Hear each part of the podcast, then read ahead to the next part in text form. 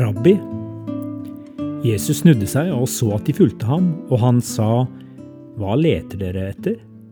De svarte, Rabbi, hvor bor du? Rabbi betyr lærer. Kom og se, sa Jesus. De gikk da med ham og så hvor han bodde, og de ble hos ham den dagen. Johannes 1, 38 39. Sånn umiddelbart kan dette virke litt pussig. Jesus er i starten av sin offentlige virksomhet. Plutselig har han to unge menn i hælene sine. Der og da blir de med ham hjem og får se hvor han bor.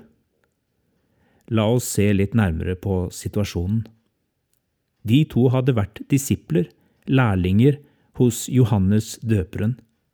Johannes har nettopp pekt på Jesus som den læreren som nå skal overta. Johannes skulle bare berede grunnen. Men bli med Jesus hjem sånn med en gang?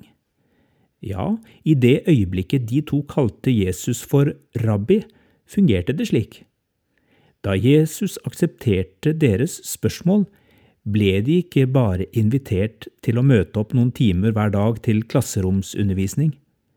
En rabbi var en som introduserte sine disipler for en måte å leve på, og da måtte de følge ham i alt han gjorde, ja, til og med bo sammen med ham. Jeg har til tider hatt et anstrengt forhold til ordet disippel. Det er beslektet med disiplin, og jeg har tenkt på det som å streve og alltid stå på pinne for Jesus. Men det er så mye mer enn dette.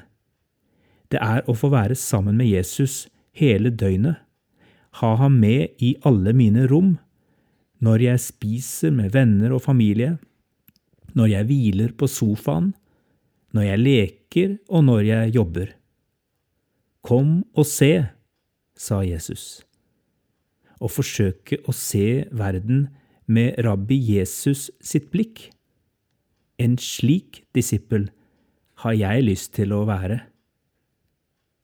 Til ettertanke. Hvordan ser en vanlig dag med rabbi Jesus ut for meg?